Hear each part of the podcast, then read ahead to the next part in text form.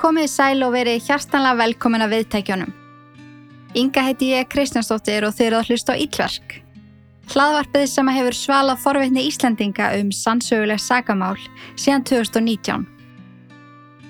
Þessi þáttur verður svolítið sérstakur. Það má eiginlega kalla hann tímamóta þátt Íllverk podcast. En þetta er síðasti fríi laugadagstátturinn sem að mun koma út árið 2022 en ég ákvað að taka gott frí í desember og þegar ég snýð svo tilbaka á nýju ári mun koma út einn frýr laugatastáttur í mánuði. Og þar sem að 19 er uppáhaldstala mín og ég á ammæli 19. apríl ætla ég að gefa hann út 19. dag hvers mánadar. Síðan 2019 hef ég gefið út fjóra þætti í hverju mánuði, auðvitað með fríum inn á milli. Það eru þrjú sísón, 160 þættir Þetta er klárlega það allra skemmtilegsta sem ég nokkuð tíma gerst. Árið 2020 byrjaði ég með Íllverk áskriftina og í henni gef ég út 5 þætti í hverju mánuði. Áskriftin er mitt lifibröð og hefur á stuttum tíma sprungið út og ég vil leggja allan minn metnað í hana.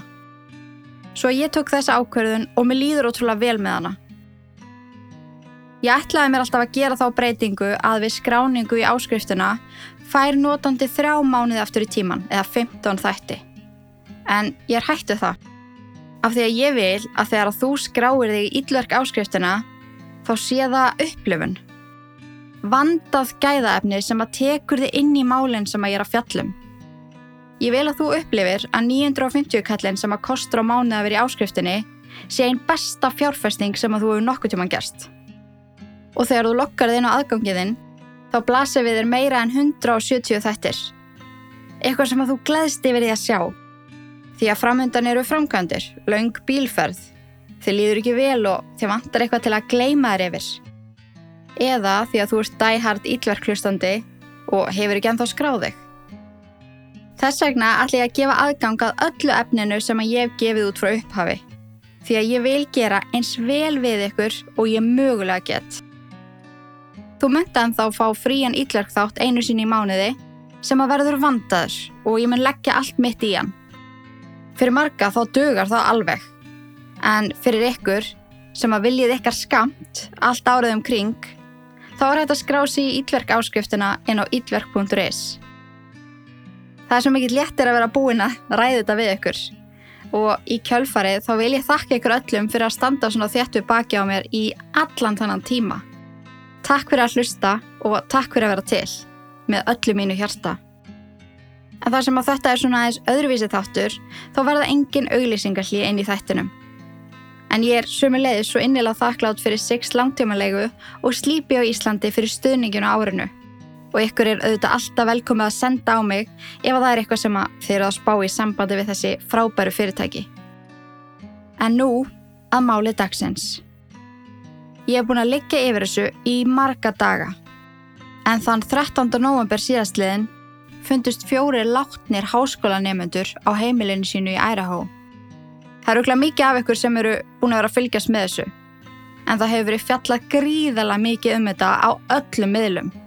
En það stórförðulegt og dulafullt mál á allan hátt.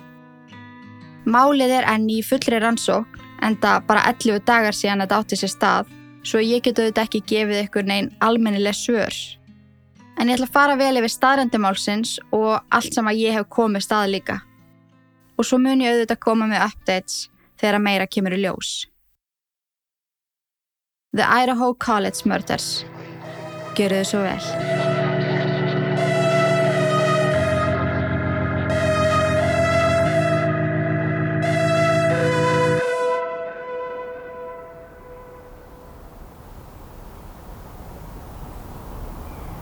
Moskó er 25.000 manna borg, staðsett með fram landamærum Washington í norður hluta Idaho í bandaríkjónum. Sérstaklega þekkt fyrir að vera stærsta borgin í leita síslu og fyrir það að vera heimili Idaho háskólans og er um eitt oft kölluð The Home of Idaho University. Háskólinn í Idaho mótar heiminn með umbreytandi mentun, verðmætum, sjálfbærni, rannsóknum og nýsköpun.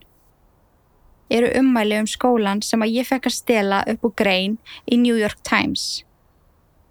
Hann var kosin með betri skólum í bandarækjunum og árkverst útskrifast í kringum 11.000 nefnendur frá hinnum ímsu mentasviðum. Ekki skemmi fyrir hversu frábært félagslífið er. Skólaböll, bjórkvöld, sistra og bræðrafélög. Á 800 hekturum í kringum skólan standa svo nefnda gardarnir. Þar sem að nefnendur gáttu leikt sér lítil hús á meðan á skólagöngu þar að stóði yfir. Frábært fyrir þá sem að komu langa leið til þess að sækja sér mentun í skólan. Á görðunum var alltaf eitthvað skemmtilegt að gerast. En þar sem að húsin voru staðsett á skólalóðinni, þá voru reglur. Til dæmis þegar að koma drikki og partistandi. Ef að reglunar höfðuðu ekki til þín, þá var borgin Moskó algjör snildalöst fyrir þig. Því að hún var pökkuð af húsum og íbúðum í öllum stærðum og gerðum til leigu. Og það er mjög vinnselt að vinahópar leiði saman húsnæði og þar sem að þau eru off-campus mega þau hafa þetta nákvæmlega og þau vilja. Ímyndum okkur að við setjumst inn í bíl, staðsettan á bílastæðinu fyrir utan háskólan í Æraho og við ræsum vélina.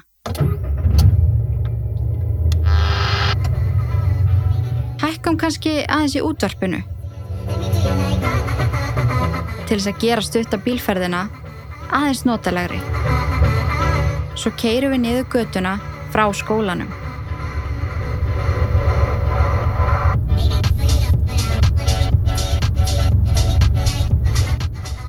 Við keirum svo í gegnum stóran og grænan háskóla golvöllin og að húsum tvekja sistrafélaga, Sigma T og Alpha Gamma Delta. Þegar við erum komin fram hjá þeim, beigjum við til hægri hjá University of Idaho Counseling and Testing byggingunni. Aftur til hægri hjá bókasapsbyggingunni og niður göduna Taylor Avenue. Í enda hennar er ein vinstri beigja í viðbútt. Og fljótlega eftir hana lendum við fyrir utan hvitt tveggjahæða hús. Hús nr. 1122 á Kings Road.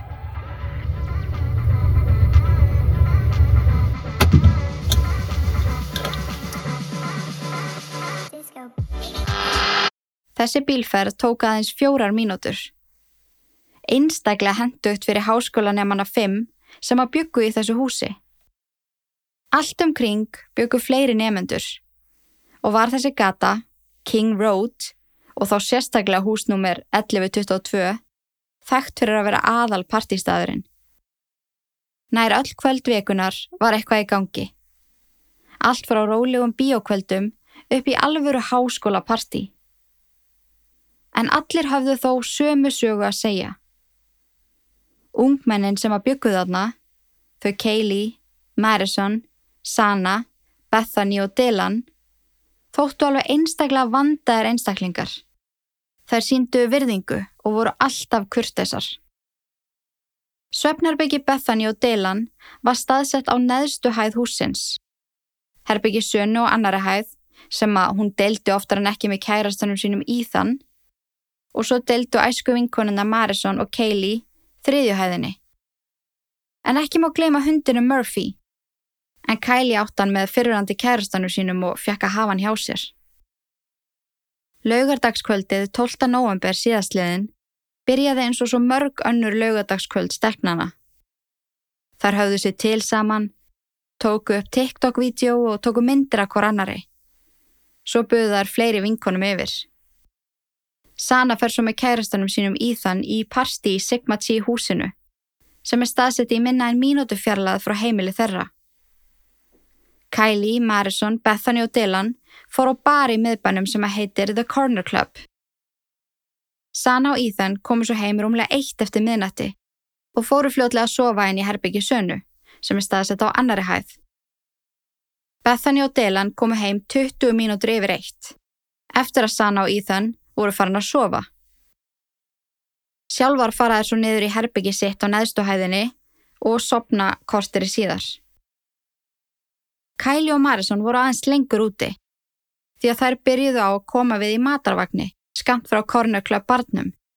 Þær fá síðan far heim frá ónæmdum aðila.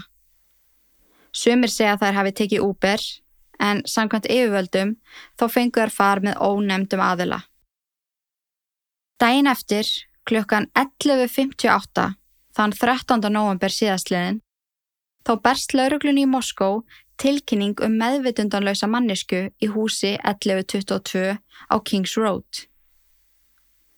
Þegar laurugla mætir á svæði til að atua með málinn, koma svo miklu alvarlegri og hræðilegri hlutir í ljós. Sana, Ethan, Kylie og Marison fundust látin og það var búið að stinga þau öll. Now we begin with the devastating and mysterious murders of four University of Idaho students that have gripped the nation. An elite federal unit has now joined the search for the killer as we learn new and chilling details about the case. Zana Kernodali, her boyfriend Ethan Chapin, Kaylee Consalves, and Madison Mogan were found stabbed to death early Sunday morning in the house they shared. We are also learning that two other roommates were home at the time of the murders. Investigators are speaking with those two students, with Idaho State Police saying that they are, quote, potentially the key to this whole thing. Laurugla á vettvang og síðan aðrir sem áttu eftir að fara inn á vettvangin vegna rannsóknar segja þetta eitt skjálfilegasta morð vettvang sem að þau höfðu nokkuð til mann séð. Það var svo mikið blóð að það byrjaði að leka í gegnum útvekja á húsinu. Þetta hús sem var þekkt fyrir að vera skemmtilega partíhúsið var allt í hennu orðið að skjálfilegum glæpavettvang og var að girsta af með gulu teipi. Lauregla byrjar á að ræða við Dylan og Bethany því að þær byggum með hennum látnu og urðu ekki varar við neitt þessa nótt. En eins og við töluðum um áðan var herbyggi þeirra staðsett á neðstuhæð húsins. Margir hafa veldi fyrir sér af hverju þær slöpu. En ef að þú skoða mynd af þessu húsi, þá er það mjög sérkennilegt í læginu. En það er byggt í tveim hlutum. Fyrst var framparturum byggður og svo mörgum árum setna var önnurhæð og þriðihæð byggð við húsið að aftanverðu. Þannig að þegar þú horfir á það að framann, þá lítur þetta út eins og þessi annað ótengt hús fyrir aftan. Og ef þú horfir á það að aftan, þá virkar og önnurhæðin sé fyrsta hæð því að húsi er byggt í halla. Ég set myndir að þessu öllu á Instagram þannig að þið sjáu hvað ég á við. En Bethany og Dylan er sofa í gegnum allt saman. En fljótlega var áætlað miða við dauðastjarfa og hitastegu líkama þeirra látnu að þau hafi verið drepin á milli klukkan þrjú og fjögur um nóttina. Það er svo ringt á neyðalínuna rúmum nýju klukkutímun síðar eða um hádegi þann 13. november. Og það er ekki eins og þær sem að ringja. Það ringja fyrst í vini sína því að þær heldu að krakkarnir sem að byggu með þeim væri ekki með meðvitund. Vininni koma yfir og ringja síðan á neyðalínuna úr síma annarkort Bethany eða Dylan. Það hefur ekkert annað verið gefið upp með neyðalínu símtalið, nema það að mikil ringulreið var í gangi og símanum hend á milli mismunandi einstaklinga. Nú að freka vægt til orðatekið þegar talað er um meðvitundalösa mannesku. Því að eins og laurugla segir er þetta eitt hróttalegasti morðvettvangur sem að þau hefðu nokkuð til mann séð. Og blóðið í það miklu magni að það fór að leka í gegnum hægri útvegg. En upp við þann vegg er rúmsenu og í þann. Þar lágu um eitt höfuð þeirra. Það hefur ekki verið gefið upp hvað kom fram í viðtali við stelpunar en mér finnst líklegt að þær hafa ekkert endilega að vita af því að Íðan hafi komið heim með senu. Þær hafi svo bara lokað að sér þegar þær fór að sofa. Bethany og Dylan hafi svo farið upp á aðra hæðhúsins þegar þær vöknuðu, þar sem að eldúsið og herbyggi senu var staðsett og mögulega banka á hurðina og ekki fengið neitt svar. Og þannig álíkta að sena sem að þær töldu eina í herbygginu vera meðvitund að lausa. Það gengur eiginlega ekkit annað upp því að ef að þær hefðu síð blóð baðið þá hefðu hlutinir auðvitað verið orðaðar öðruvísi í símtalinu. Og hvernig stendur á því að þær heyrði ekki neitt? Þá er, eins og ég segi, húsið skipt upp í tvær álmur. Það gata alveg verið að þær heyrði ekki neitt ef allir lokuðu herbyggjunum sínum og líka því að nýfur gefur ekki frá neitt hljóð. En svo fyrir maður að hugsa.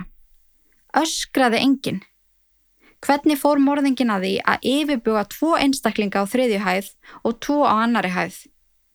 Og líka Murphy, hundurinn hennar Kylie. Gelti hann ekki neitt?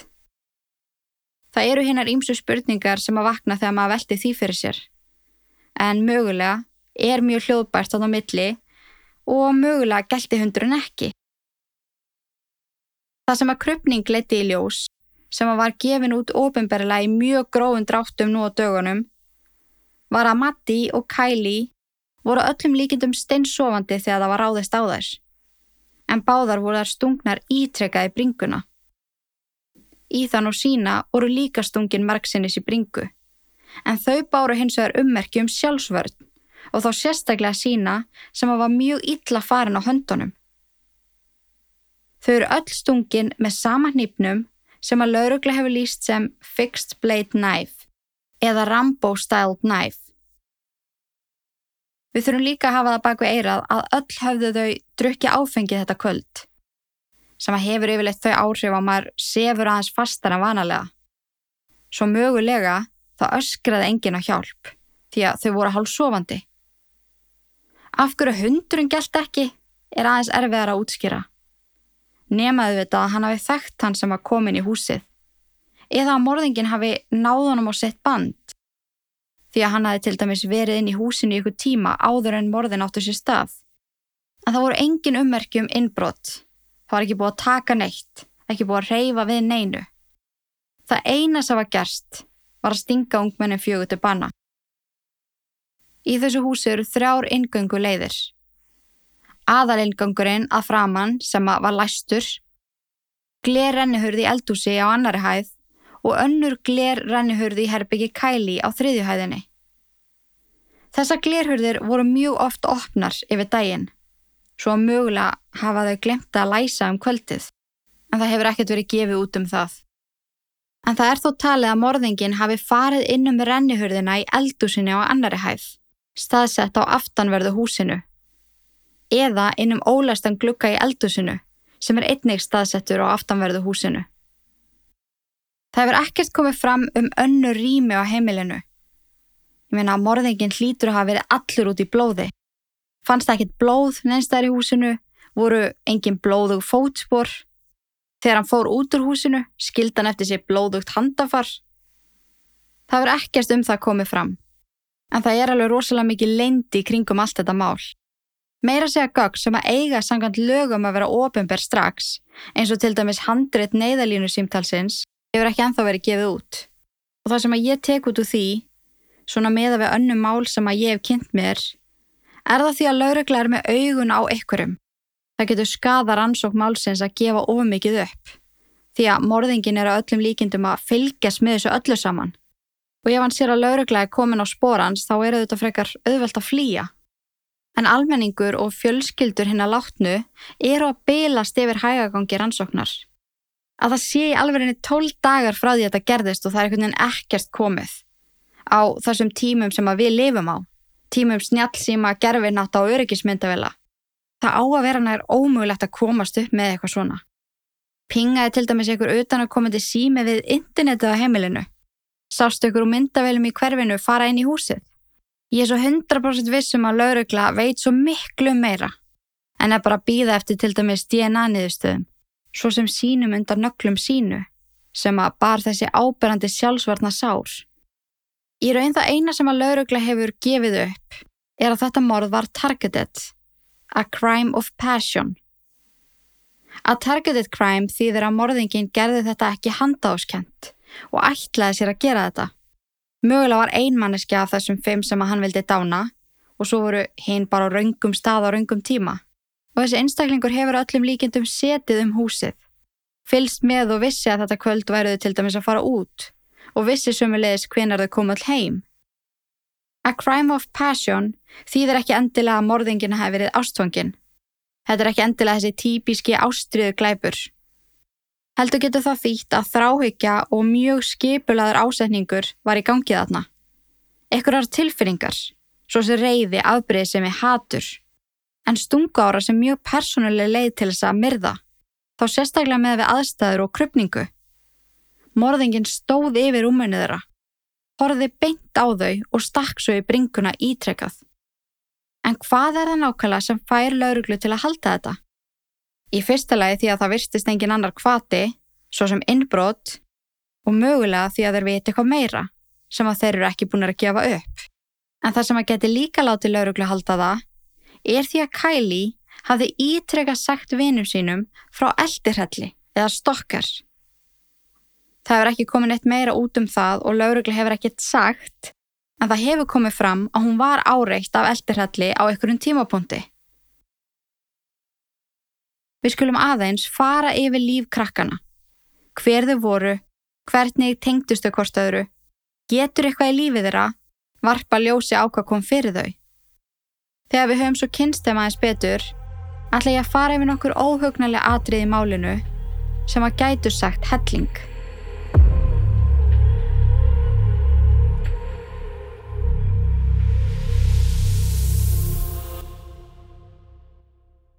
Kylie Jade Concalves var fætt það 9. júni árið 2001 og var hún 21 árs gömul þegar hún var stungindi bana 13. november síðastliðin. Hún var fætt og uppalinn í Concord í Kaliforníu, dóttir Gonzo og Kristi Goncalves og eina fimm sískinum þeirra Autumn, Olivia, Steve og Aubrey. Fjölskylda Kylie kallar hana réttlætisrittara brat og mean girl, en á góðanhátt. Hún var ákveðin og sangjöld, ákveðin vendari fjölskyldumellima sinna og vina.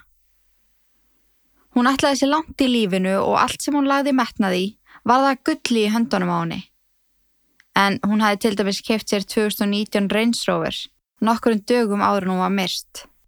En hún starfaði bæði á veitingastæðinu Mad Greek í miðbæi Moskó og tóka sér samstörf á Instagram Hún hafði aldrei keft sér bíl áður. Hún vildi þennan og hún endaði á að ná því markmiði. Hún elskaði að ferðast og var alltaf umkringt vinum, sem að elskuðu öll böbli personleikan hennar og fallega brosið. Útskriftennar úr University of Idaho var á næsta leiti, en hún átti að útskrifast núna í desember með General Studies gráðu. Ég veit ekki alveg hvernig best að þýða þá íslensku, en á því sviði þá læra nefnendur inn á raunvísindi, færni í samskiptum, læra að gera hinnar ímsur ansóknir og kannanir, starffræði, málfræði og úrlausnir vandamála.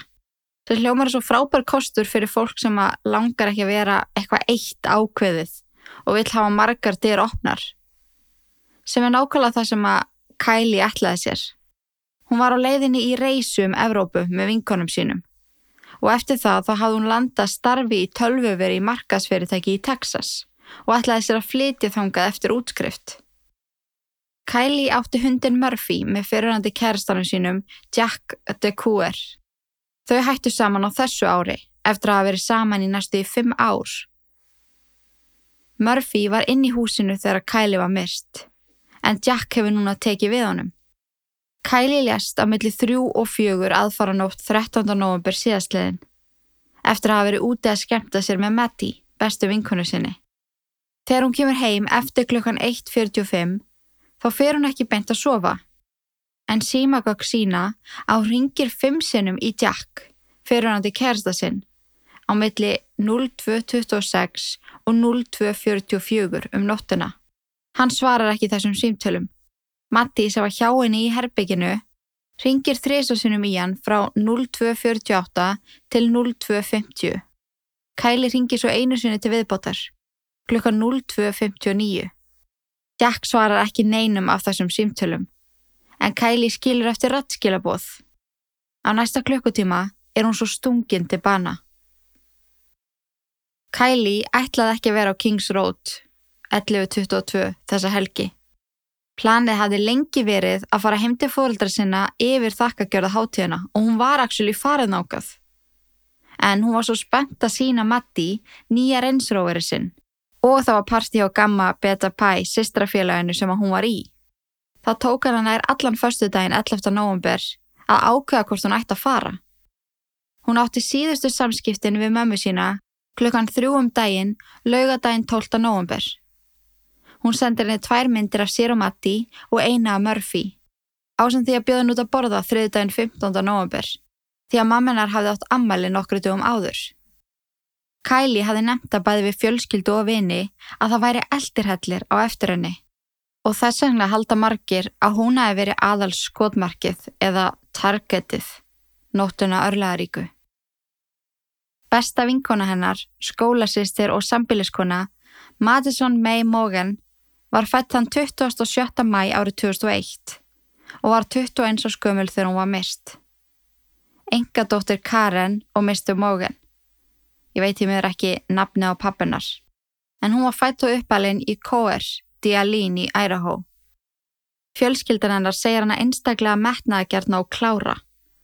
Tröstu vinur vina sinna og mikill humoristi. Hún var mjög staðræðan í því að fá enga hjálp frá fóröldri sínum fjárhagslega og vann mjög mikið á veitingastanum Mad Greek. Ásand bestu vinkonni sinni Kylie. Hún fekk einniginn aukatekjur með samstörfum á Instagram, þar sem að hún hjælt út í 14.000 fylgjenda aðgang. Hún elskaði country tónlist mjög mikið og átti bleik kúregastível sem hún hjælt alveg einstaklega upp á. En hún kefti sér þau því að hún sá Taylor Swift einu sinni í þannig, sem að var einmitt hennar uppáhalds tónlistamæður. Mary, eins og hún var alltaf kölluð, kynntist Kylie í sjötta bekk og síðan þá hafa þær verið óaðskiljanlegar. Þar fór saman í gegnum grunnskóla og mentaskóla. Og draumurinn var svo að fara saman í háskóla og búa saman á meðan á náminu stóð, sem er nákvæmlega þess að þær gerðu. Þar sem að Matti átti ekki sískinni, fannst henni einstaklega gaman að umgangast fjölskyldu Kylie, þar sem að sískinni voru fimm talsins á öllum aldrei. Fóreldra Kylie elskuðu Matti eins og sína eigin dóttur og segja, sem er svo sorglegt, að ef það er átt að fara svona, þá hefðu þær alltaf kosið að fara saman. Bestu stelpur og fallegustu vinkunur í heimi. Mary skilur ekki bara eftir sorgmöta fjölskyldu og vini. Heldur líka kærastan, Jake Schreiner. Þau kynnast í skólanum og fara fljótt að spjalla á samfélagsmiðlum. En þau hafa verið saman í rúmt árs og voru mjög ástfangin. En fóreldra Jake segja að drengurinn sé gjörsanlega eigðilagður eftir að hann fretti hvað kom fyrir framtíðar eiginkonuna sína eins og hann orðar þetta. Mari var að loka ári í markaðsfræði og átt að útskrifast núna í desember eftir það átt að vera stór útskriftaveysla sem að hún og Kylie ætluði að halda saman. Þar ætluði svo líka saman í reysu um Evrópu. Mari var einni meðlimur Alpa Pæ sistrafélagsins. Síðasta virknin í símanum hennar er þegar hún ringir þrýsosinnum frá 0248 til 0250 í Jack fyrirhandi kærasta Kylie. Sana Kernudl var fætt þann 7. júli árið 2002 og var tvítug þegar hún var myrst þann 13. november síðastliðin. Fætt og uppalinn í Postfalls og Endpoint í Idaho. Pappanar heiti Jeffrey en ég veit ekki hvað mammanar heitir og hún átti sýstur sem heiti Jasmine og það eru voru alveg einstaklega nánar. Fjölskyldan segir hana svo innilega góðhjartaða Nærvera hennar var hlý og hún let öllum líða vel og mikilvægum. Hún elskaði tónlist og þó sérstaklega 80's og 90's rap sem að ég kann svo verulega mikið að meta, greinlega stelpa með góðan smekk. Hún var mikil íþróttakona og spilaði með blagliði háskólans. Hún var á öðru ári í markasfræði og einni hluti af Pi Beta Pi sistrafélaginu. En það virðist eins og Kylie og Mari hafi kynst sönu í þessu sistrafélagi en ég þór ekki alveg að fara með það. Vinir sönu segja hún sé besta manneskja sem að þau þekktu. Alltaf til staðar og gaf bestu knúsin og ráðin. Hún lendi líka á sér, en út á við þá virkar hún feimin og hlétræk. En þegar hún kynntist henni þá var hún mikill humoristi með sterkar skoðanir á til dæmis pólitík. Hennar aðal markmið í lífinu var að ferðast eins mikið hún mögulega gatt. Og hún hafði, þrátt fyrir ungan aldur, ferðast alveg helling og lakkaði til að gera meira af því eftir útskrift með ástinni í lífinu sínu Ethan Chapin en þau höfðu verið saman í aðeins meira en ár. Ethan Chapin var fættur þann 29. oktober árið 2002. Hann var því búin að vera tvítur í rúmar tvær vekur þegar hann var mistur þann 13. november síðastliðin. Hann er fættur uppalinn í Mount Vernon, Washington. Sónur þeirra Stacy og Jim Chapin og hann er þrýpuri en bróður hans heitir Hunter og sýstir hans heitir Macy. Allir sem að tala um hann eru einrómama í þann hafi verið einn ljúfasta manniska í heimi.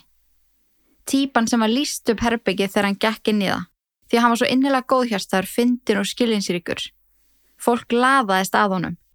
Hann var á öðru ári í tómstundar, íþrótta og ferðamálafræði í háskólanum í Idaho. Aug þess að vera partur af Sigma T bræðrafélaginu.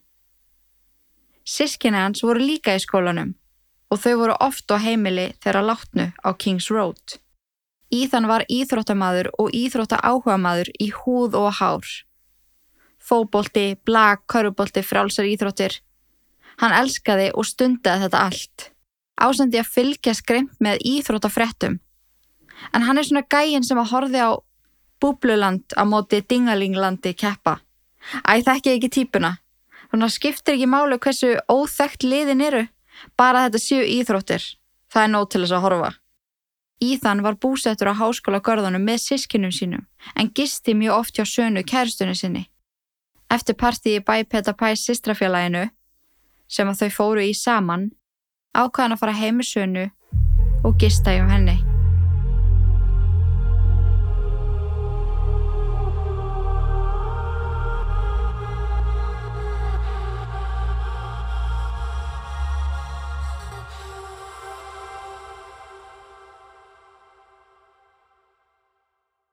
Þetta er svo innilega sorglegt. Það var svo mikið framöndan hjá þeim öllum. Þau voru öll svo ótrúlega falleg og efnileg. Það sem að gera þetta líka svo ótrúlega skuggalegt er hvað þetta er nálagt manni. Það er svo stutt síðan þau voru að posta á Instagram og TikTok. Íðan átti tvítursamali fyrir korsteri síðan. Þetta er svo nýtt og veðamikið og, og dulafullt. Maður getur einhvern veginn ekki annað en haft þetta á heilanum. En núna þegar við erum aðeins búin að kynnast þessum dásamlegu krökkum sem að voru mist á þennan hróttalega hátt, þá langar mig að fara yfir nokkru hluti sem að geta sagt alveg helling um þetta mál. En ég kom inn á það þegar ég saði ykkur frá Kylie og Matti að eftir að þær komu heim af tjamminu og rétt áður en að þær voru mistar, þá ringdu þær ítrekkaði Jack, fyrirverandi kærasta Kylie. Kylie ringi fimmsunum, svo ringir Matti þreysasunum og Kylie svo einu sinni til viðbótar klukka 02.59. Á næsta klukkutíma voru þær stungnar til bana. Margir hafa lesið í þetta og þá sérstaklega eftir að fjölskylda Kylie kom í sjóasviðtal og sagði ítrekkað jealousy og guilt sem að fekk fólk til að spekulara hvort að afbreyðisemi var í kvatin, mögulega tengt jakka á eitthvað hátt en laurugla hefur þó komið fram ofinberlega á bladamannafund og greint frá því að Jack sé ekki lengur á lista yfir grunnaða. Hann sé alveg hreitt. Hann hafði ekki svarað símtölunum því að hann var sofandi. Það var samt aldrei tekið fram eitthvað, nei þetta gengur ekki því að símin hans var staðsettur annar staðar. En eftir að ég leitaði sérstaklega eftir því á netinu þá verðist hann hafa verið staðsettur í Bósi þessa nótt sem er í 5,5 klukkutíma axtusfjallað frá Moskó. Það sem að ég hugsaði strax er hver hefur ekki komið hellaður heim á tjamminu og ringt í fyrirrandi. Hann ekki svarað og þú beði vinum að prófa að ringja. Gá hvort að hann svarið því númeri. Við verðum líka taka inn í myndina að Kylie og Mary voru mjög druknar þegar að komu heim, aðfara nótt 13. november. En það sem að ég hugsaði líka er að hvað ef að þær voru að ringja í hann því að þær voru hrættar? Kanski heyrðu þær eitthvað? En á sama tíma hugsa maður, af hverju að ringi hann þegar hann er ekki eins og nálagt? Ef þær voru hrættar hefðu þær þá ekki ringt beint í laurugluna. En svo er það vídjóið úr öryggismyndavel framann á matavagninum Grab Truck sem er í miðbæ Moskó. En þanga fóru Mary og Kaylee eftir að vera á barnum. Þær koma í mynd klukka 01.41 og býða þær í rúmar 10 mínútur eftir Carbonara. Maður getur síðan strax að tímalína lauruglu sem að var gefin út ofenbarlega er alveg freka gróf. En laurugla segir að stelpunar hafi verið komnar heimdi sín klukka 01.45 en þær koma ekki heim fyrir 02.10 eftir að hafa fengið farheim frá private party sem satt ekki leigubíliða Uber. Það er þetta sanna þetta með öryggismyndavelum af þessum food truck. Þetta vídeo er mjög óþægilegt að horfa á Í fyrsta lagi því að þetta sínir stelpunar á lífi rétt áður en það voru stungna til bana og í öðru lagi því að það er maður fyrir aftan þær. Í grári hettupeisu, dökkum bomberjakka með svarta derhúu sem að fylgjast með hverju skrefi sem það er taka. Um leið og þær fá matinn og lappa í burtu frá matavagninum, þá bendir strákurinn sem að stóð með stráknum með hettuna í átt til stelpnana og svo hettuklætti gera það líka. Svo lappar hann á eftir þeim en sérst svo ganga í gagstæða átt stuttu síðar. Það eru nokkra kenningar sem hafa komið upp í sambandi við þennan mann. Númer eitt, að þetta sé fyrirröndi kærasti Kylie, sem var kom og sótt þér á barinn, beigð eftir því að þær fengju matið sinn og skuttlaði þeim svo heim. Og það eiginlega gengur ekki upp, þar sem að stelpunar yrði ekki á hann allan tíman sem að þær voruð átna. Láta hann ekki vita þegar þær fara og hann sést svo lappa í gagstæða átt. Númer tvö, þá geti verið þetta sér strákur sem að þær hittu þetta kvöld sem að var mögulega með áhuga á annari þeirra, en fekk svo ekki áhugan endugöldin. Stóð þarna mega vandræðilegur og ákvæmst svo hlaupa eftir þeim og bjóða þeim far. Kanski þáðu þær farið og hann byður þær þá að býða á meðan hann sæki bíli sinn eða þær þáðu ekki farið og hristu hann af sér. Og nú með þrjú, þetta gæti verið eldirhellirinn sem að Kylie hafi talað um. Hann fylgdist með þeim allt kvöldið og eldi þær svo heim.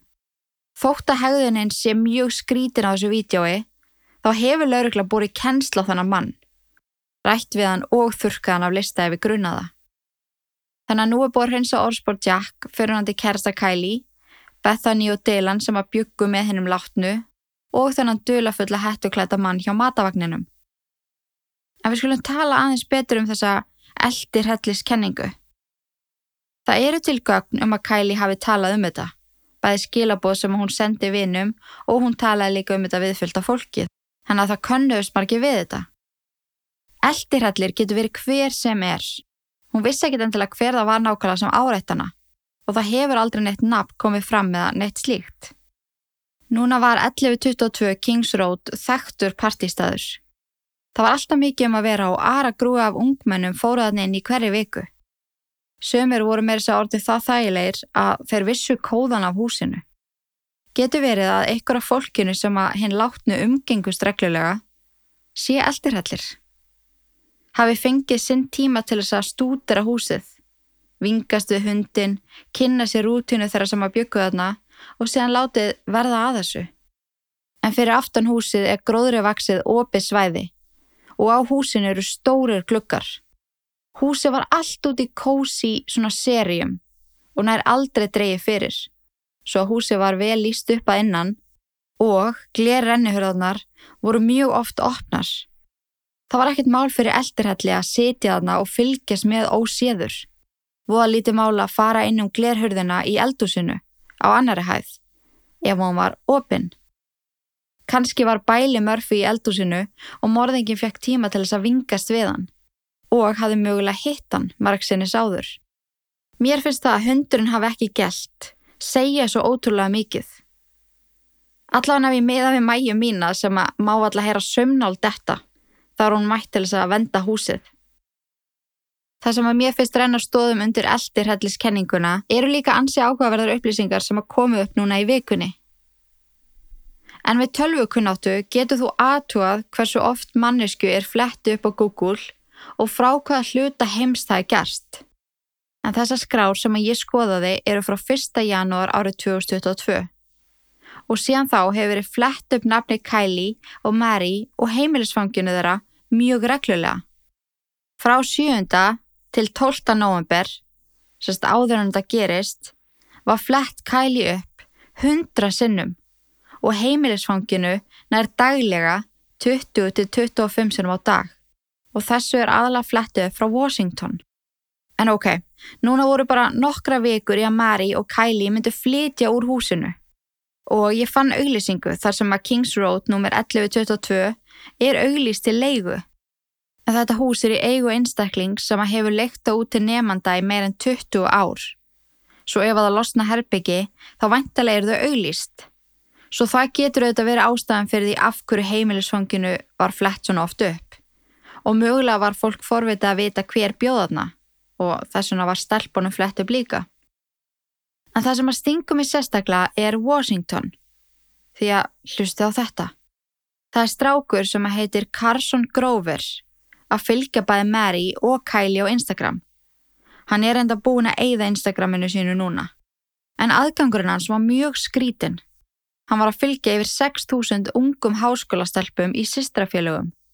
Nei, í alvörunni, það var eins og hann fylgdi bara ákveðni gerðaf aðgangum.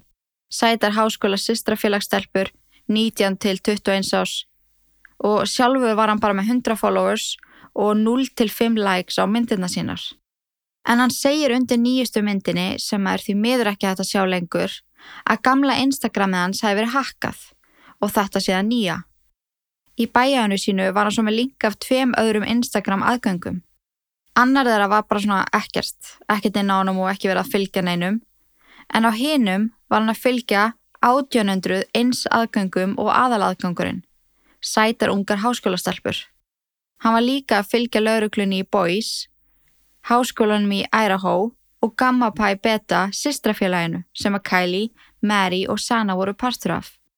Hann var líka að fylgja sjö mismunandi aðgangum frá búðum sem að seldu nýfa. Og í öllum þessum búðum sem hann var að fylgja mátti sjá mynd af Fixed Blade eða Rambo Style Knife sem er eins nýfur og laurugla tilur að Mary, Kylie, Ethan og Sana hafi verið myrt með. Ég náði aldrei að sjá stóriðin hans en ég fann skjáskot af þeim og í þeim talar hann um að lífi sé ömulagt. Hann er alltaf einninn í dimmu rými og allt sem var fór í stóri var mjög svona dark og drungalegt eitthvað neginn. Og í einum Instagram posti frá oktober þá kallar hann háskólastelpur í systrafélögum hórur. Hann notaði líka aðgangana sem hann átti til þess að læka eigin myndir. Og það sem hann gerir líka er að læka allar myndir af Kylie og Mary. Og, ángríns, þetta er svo spooky, hann lækaði mjög skríti komment undir mynd af Kylie með vinkonu sinni Dylan sem var bjóð einni með henni. En þetta er sérst mynd af þeim saman frá 12. november og Dylan kommentar undir myndina. I would die for you. Og ég tek það aftur fram, þetta er sett á Instagram 12. november, dægin fyrir morðin. I would die for you.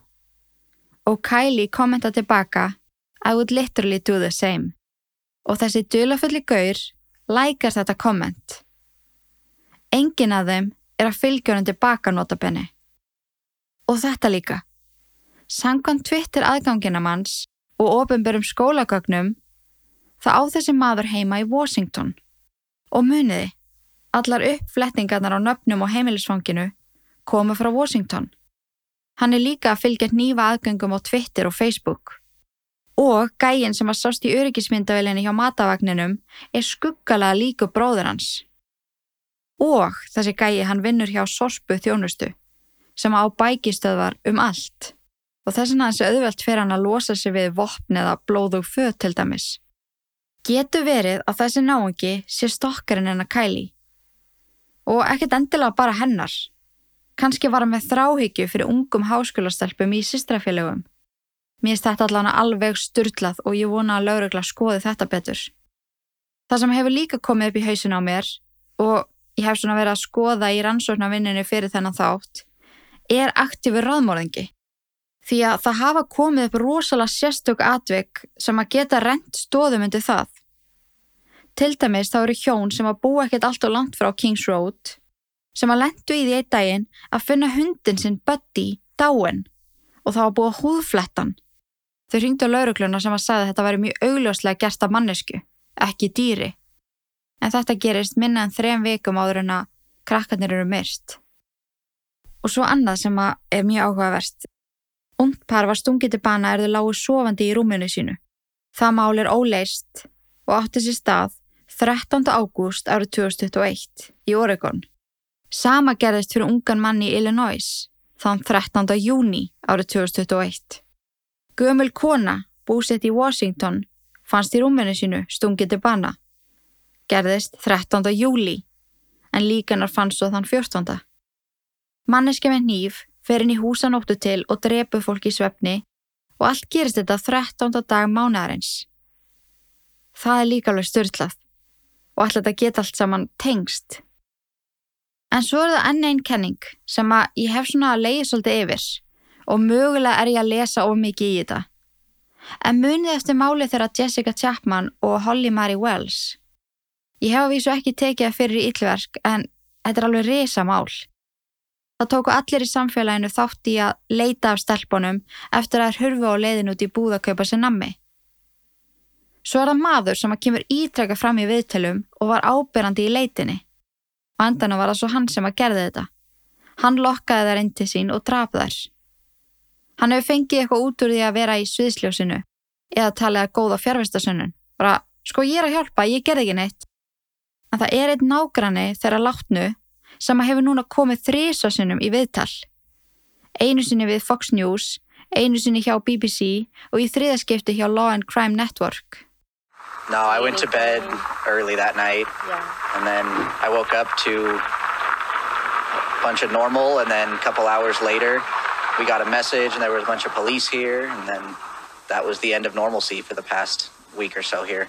Though the day that the police were called here, um, about an hour or two after that, an officer came by and just went door to door along here, just asking if anybody had seen or heard anything. Um, that's the only contact I've had with officers so far. The house, occasionally there were parties that were kind of loud. Most of the time it was pretty self-contained. Um, but yeah, as I was taking, as I would take my dog in and out to go to the bathroom, I would just be walking by. I would look up and I would see people in the windows almost every night, um, probably four or five nights a week. So there were a lot of people that went into and out of that house pretty frequently. Um, so yeah, it was kind of a party house, but again, this whole neighborhood is sort of like a party neighborhood because it's just off campus, so you sort of don't have to follow the university rules.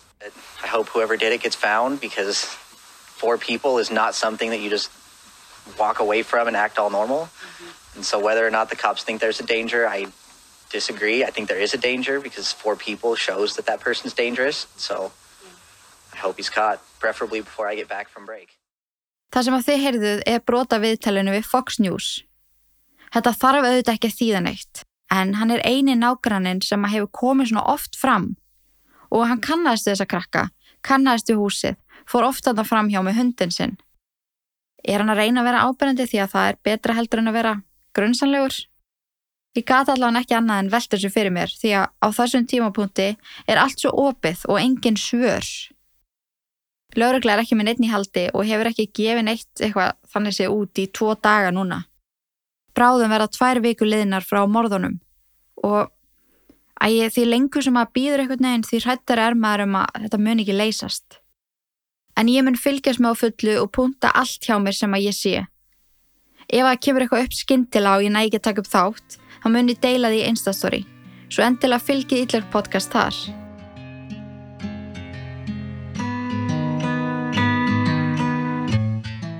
Ég vona að ég hafi náða varpa ljósi á málið og að þið þekki og skilji betur hvað átti sér stað. Þá er kannski auðveldra fyrir ykkur að fylgjast með ef þið viljið gera það. Ég ætla að kveikja á kerstum fyrir Ethan, Sana, Kylie og Mary. Þetta unga fallega fólk sem átti framtíðina fyrir sér. Og ég vona að þið gerir slíkt þið sama. Við heyrum svo megahressa á nýju ári. Nána tiltekið það 19. janúar 2023. Ef að þið eru í áskrift eða ætlið að skrá okkur, þá heyristu bara aftur á morgun held ég. Og svo kemur út nýr 5 þátt áskriftabakki í desember. Þakka ykkur kærlega fyrir að hlusta og takk fyrir að vera til. Þið eru best. Haugur, take it away. Bættu sjöfið og þú dottir eftir lukku Kýta sáli sem í djúpa hafi sökku Gangin lífi eins og flugur inn í krukku Meðan 666 andast uppu Sjöfið og þú dottir eftir lukku. Kýta sáli sem í djúpa hafi sökku Gangin lífi eins og flugur inn í krukku Meðan 666 andast uppu Þegar úti fyrir að dimm og frostin ístir inn að beini. Engin engil sem að veiti verði í eðulögðum heimi Sem að lagðist í eði með heift og sakleysingjar týndu lífum. Verkin ítlu sem að fólki sá í sínu sínum Hversu margir hræðast drauga? Hversu margir hræðast að að horfi í augu dauðas Augu taka mann á taugum eins og andar sem að herja mann. Hvaði voru á himnum fyndu engil til að verja mann. Hjartaslæri svo það sé með djöfulinn á hælunum Refur á móti hænunum, úlfur með sauða gæru Ílska reykar í bænum og lömpi þakma þórað ekki að vanda Allt og marga sálir sem að tilbyðja fjanda Hamingja krasar eins og skip sem strandar anda Dráttur milli handa hættir að vanda Þegar að þreyttir að hálsi. Þegar ótti tekur yfir missa sakleysingjar málið eins og nortni galdra fári. Bættu sjöfið og þú dottir í lukku. Sýnda sáli sem í djúpa hafi sökku Gangin lífi eins og flugur inn í krukku Meðan 666 andast luppu Bættu sjöfið og þú dottir í lukku. Sýnda sáli sem í djúpa hafi sökku Gangin lífi eins og flugur inn í krukku Meðan 666 andast Er það reyði sem að gera megin Skeppnu skapur eins og grimmir hundar sem að naga bein Eins og refur inn í hensna kofa Hænur sofa svefninu langa þegar að anda koma. Þegar illir anda taka yfir liði fyrir yfir liði Ljósir anda fara fyrir. Flesti kjósa fá að halda friðin Liðir yðar um og missi trúna sem það lifði fyrir Flesti standa eftir og stara bara hefnd í sjúkum hug eins og hjá blóðþyrstum talibana. Þau þurfa að byggja fyrir sálum sínum. Eins og fíkil sem er háður vímu þjáður er í sárum sínum. Byður um það eitt að hlusta sé á alla bæni sínar. Gengi hefur grítt að vegi alla fokkin æfi sína. Viltu fá að sjá? Yngu illur tróða sér í lag hjá fokkin hauki há. Bættu sjöfið dottir ert í lukku. Týnda sáli sem í djúpa hafi sökku Gangin lífi eins og flugur Meðan 666 andast luppu Bættu sjöfið og þú dottir ert í lukku. Týnda sáli sem í djúpa hafi sökku Gangin lífi eins og flugur inn í krukku Meðan 666 andast luppu Býðum í andartak, andafrátur, andvarpar Í andaklassi skilji andar eftir handafar Býðum í andartak, andafrátur, andvarpar Í andaklassi skilji andar eftir handafar Býðum í andartak, andaglasi skilji andar eftir andapar Býðum í andartak, andadráttur andvarpar. Í andaglasi skilji andar eftir andapar